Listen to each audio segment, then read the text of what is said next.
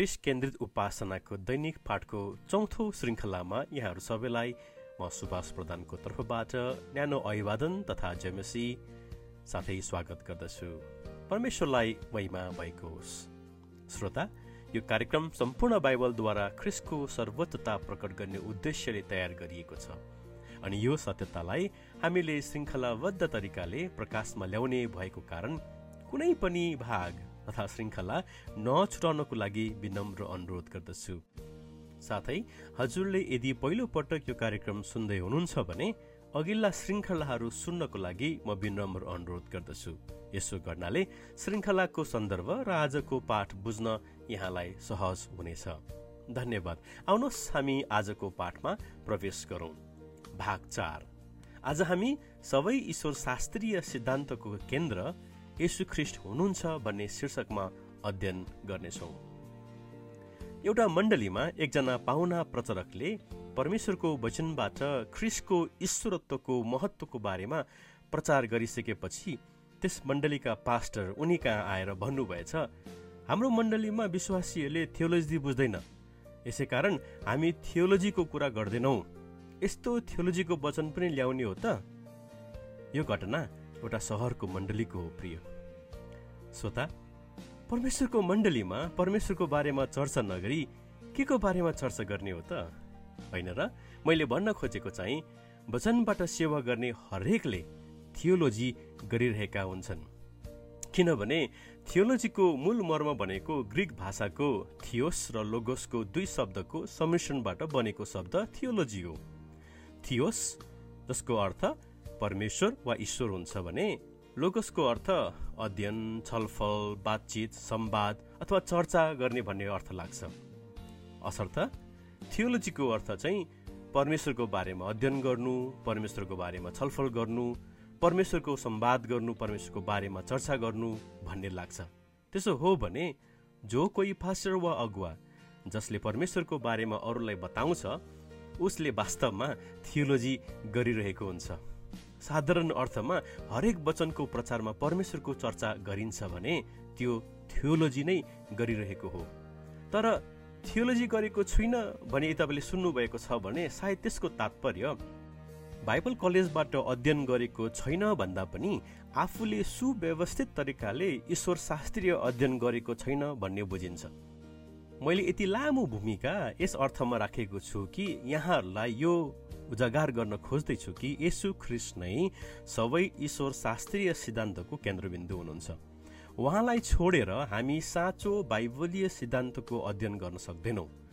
जसरी हाम्रो सौर्यमण्डलमा सबै ग्रहहरूले सूर्यको परिक्रमा गरिरहेका हुन्छन् त्यसरी नै सबै ईश्वर शास्त्रीय सिद्धान्तहरूले यसो ख्रिस्कै वरिपरि घुमिरहेका हुन्छन्। किनकि उहाँ नै सबै बाइबलीय शास्त्रको केन्द्रबिन्दु हुनुहुन्छ।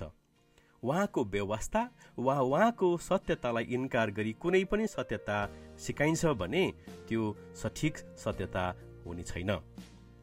श्रोता हिजोको श्रृङ्खलामा बाइबल एउटै विषयको पुस्तक हो र सबै पात्रहरू र घटनाहरूले आउनु हुने महान र उत्तम येसुको बारेमा सङ्केत गर्दछ भन्ने अध्ययन गरिरहेका थियौँ भने आज हामी सबै ईश्वर शास्त्रीय सिद्धान्तको केन्द्रबिन्दु येसु ख्रिस्ट हुनुहुन्छ भनी हेर्नेछौँ। सुव्यवस्थित ईश्वर शास्त्रीय सिद्धान्तमा मुख्य गरिकन आठवटा सिद्धान्तहरू रहेका छन् र कतिले दस पनि भन्ने गरेका छन्। हामी हरेक सिद्धान्तहरूमा यसो कसरी केन्द्रबिन्दु हुनुहुन्छ भनेर हेर्नेछौँ। पहिलो वचन सम्बन्धी सिद्धान्त। यसलाई हामी कति पटक बिब्लियोलोजी पनि भन्छौँ। वचन सम्बन्धी सिद्धान्तमा बाइबलले यही कुरा बताउँदछ कि आदिमा यसु नै वचन हुनुहुन्थ्यो। युहन्नाको पुस्तकमा हामीले हेऱ्यौँ भने आदिमा वचन हुनुहुन्थ्यो वचन परमेश्वरसँग हुनुहुन्थ्यो अनि वचन परमेश्वर हुनुहुन्थ्यो। उहाँ आदिमा परमेश्वरसँग हुनुहुन्थ्यो अनि चौध पदमा यही वचन देहदारी हुनुभयो भनेर भनेको छ। अर्थात् यदि हामी वचन सम्बन्धी पाठ गर्दैछौँ भने यशु ख्रिस्ट नै परमेश्वरको वचन हुनुहुन्छ भनेर हामी थाहा गर्दछौँ। दोस्रो परमेश्वर सम्बन्धी सिद्धान्त। यसलाई हामी थियोलोजी प्रपर भनेर भन्छौँ अथवा परमेश्वर यसु नै हुनुहुन्छ होइन र? होइन? यसु ख्रिस्ट प्रभु हुनुहुन्छ भनेर हामी जसरी गाउँछौँ एक मात्र ईश्वर। जसरी अघि योहन्ना एक अध्ययको एक र दुईमा हामीले पाठ गरेका थियौँ कि आदिमा वचन हुनुहुन्थ्यो र वचन परमेश्वरसँग हुनुहुन्थ्यो अनि वचन परमेश्वर हुनुहुन्थ्यो।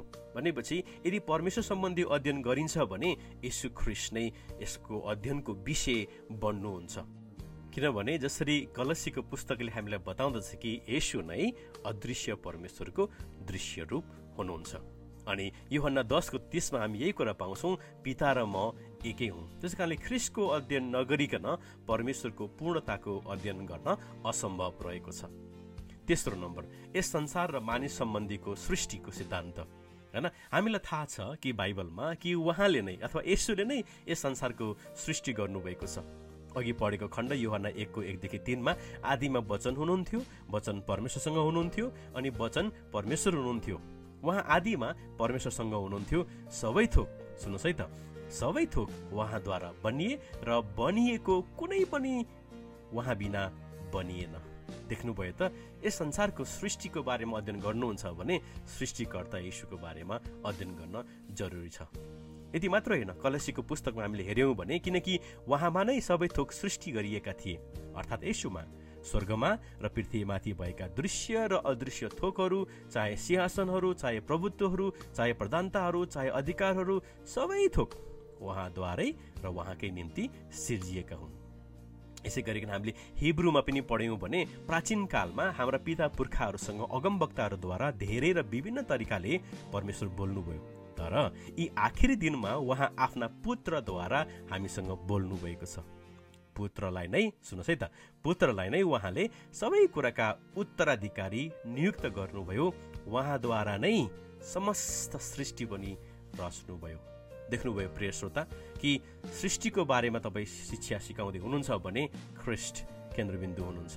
चौथो ख्रिस्ट सम्बन्धी सिद्धान्त अथवा क्रिस्टोलोजी भनेर हामी भन्छौँ। अब ख्रिस्कै बारेमा अध्ययन गर्ने भएपछि त ख्रिस्कै बारेमा अध्ययन गर्न जरुरी छ होइन र? यसोले भन्नुभयो बाटो सत्य र जीवन मै हुँ। मद्वारा बाहेक कोही पनि पिता कहाँ आउन सक्दैन।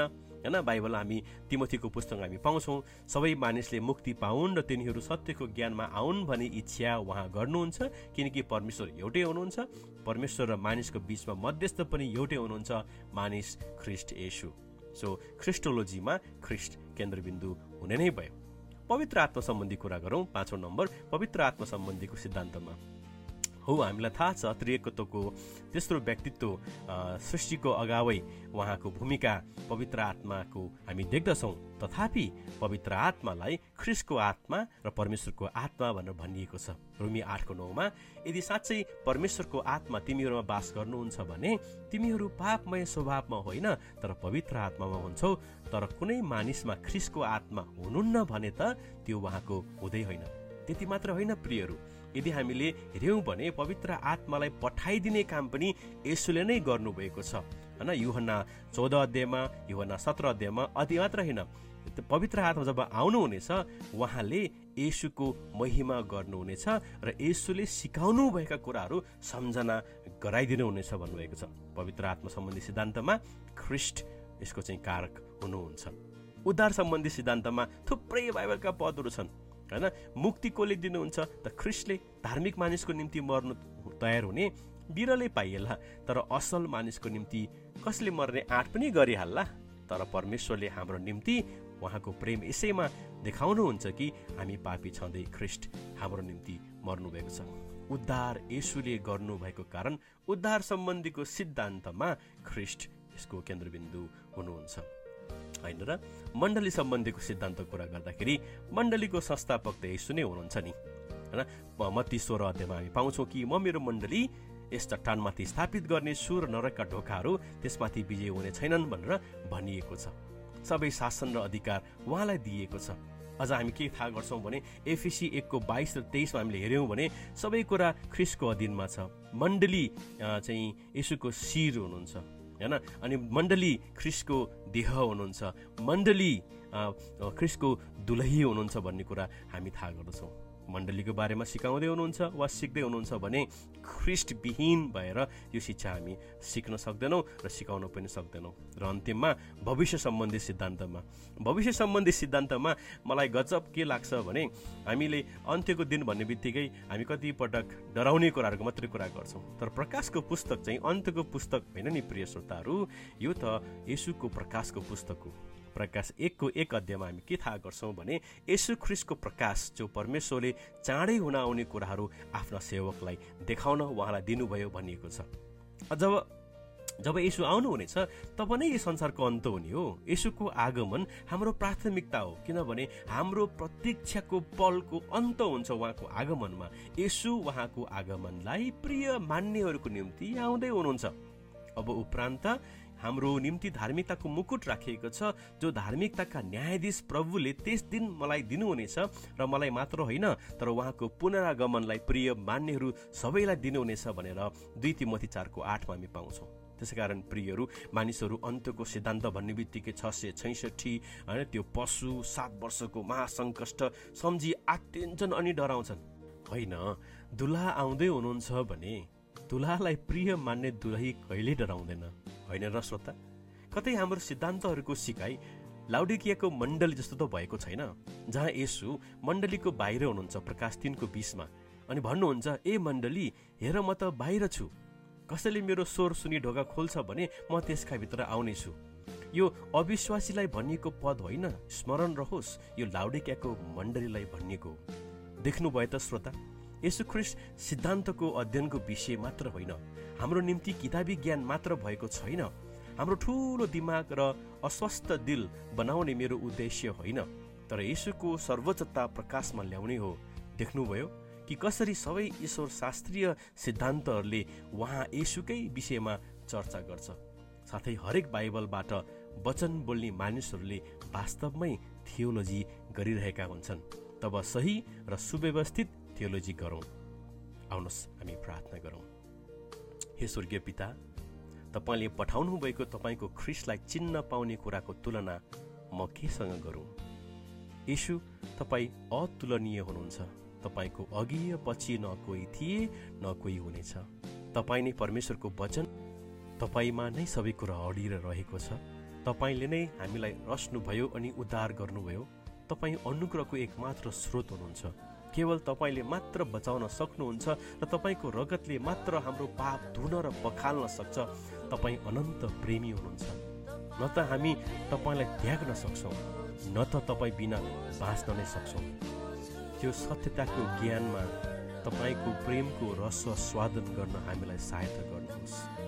यसु हामी परमेश्वरले हामी सबैलाई आशिष दिनुभएको होस्। अर्को श्रृङ्खलामा फेरि भेटौँला। धन्यवाद।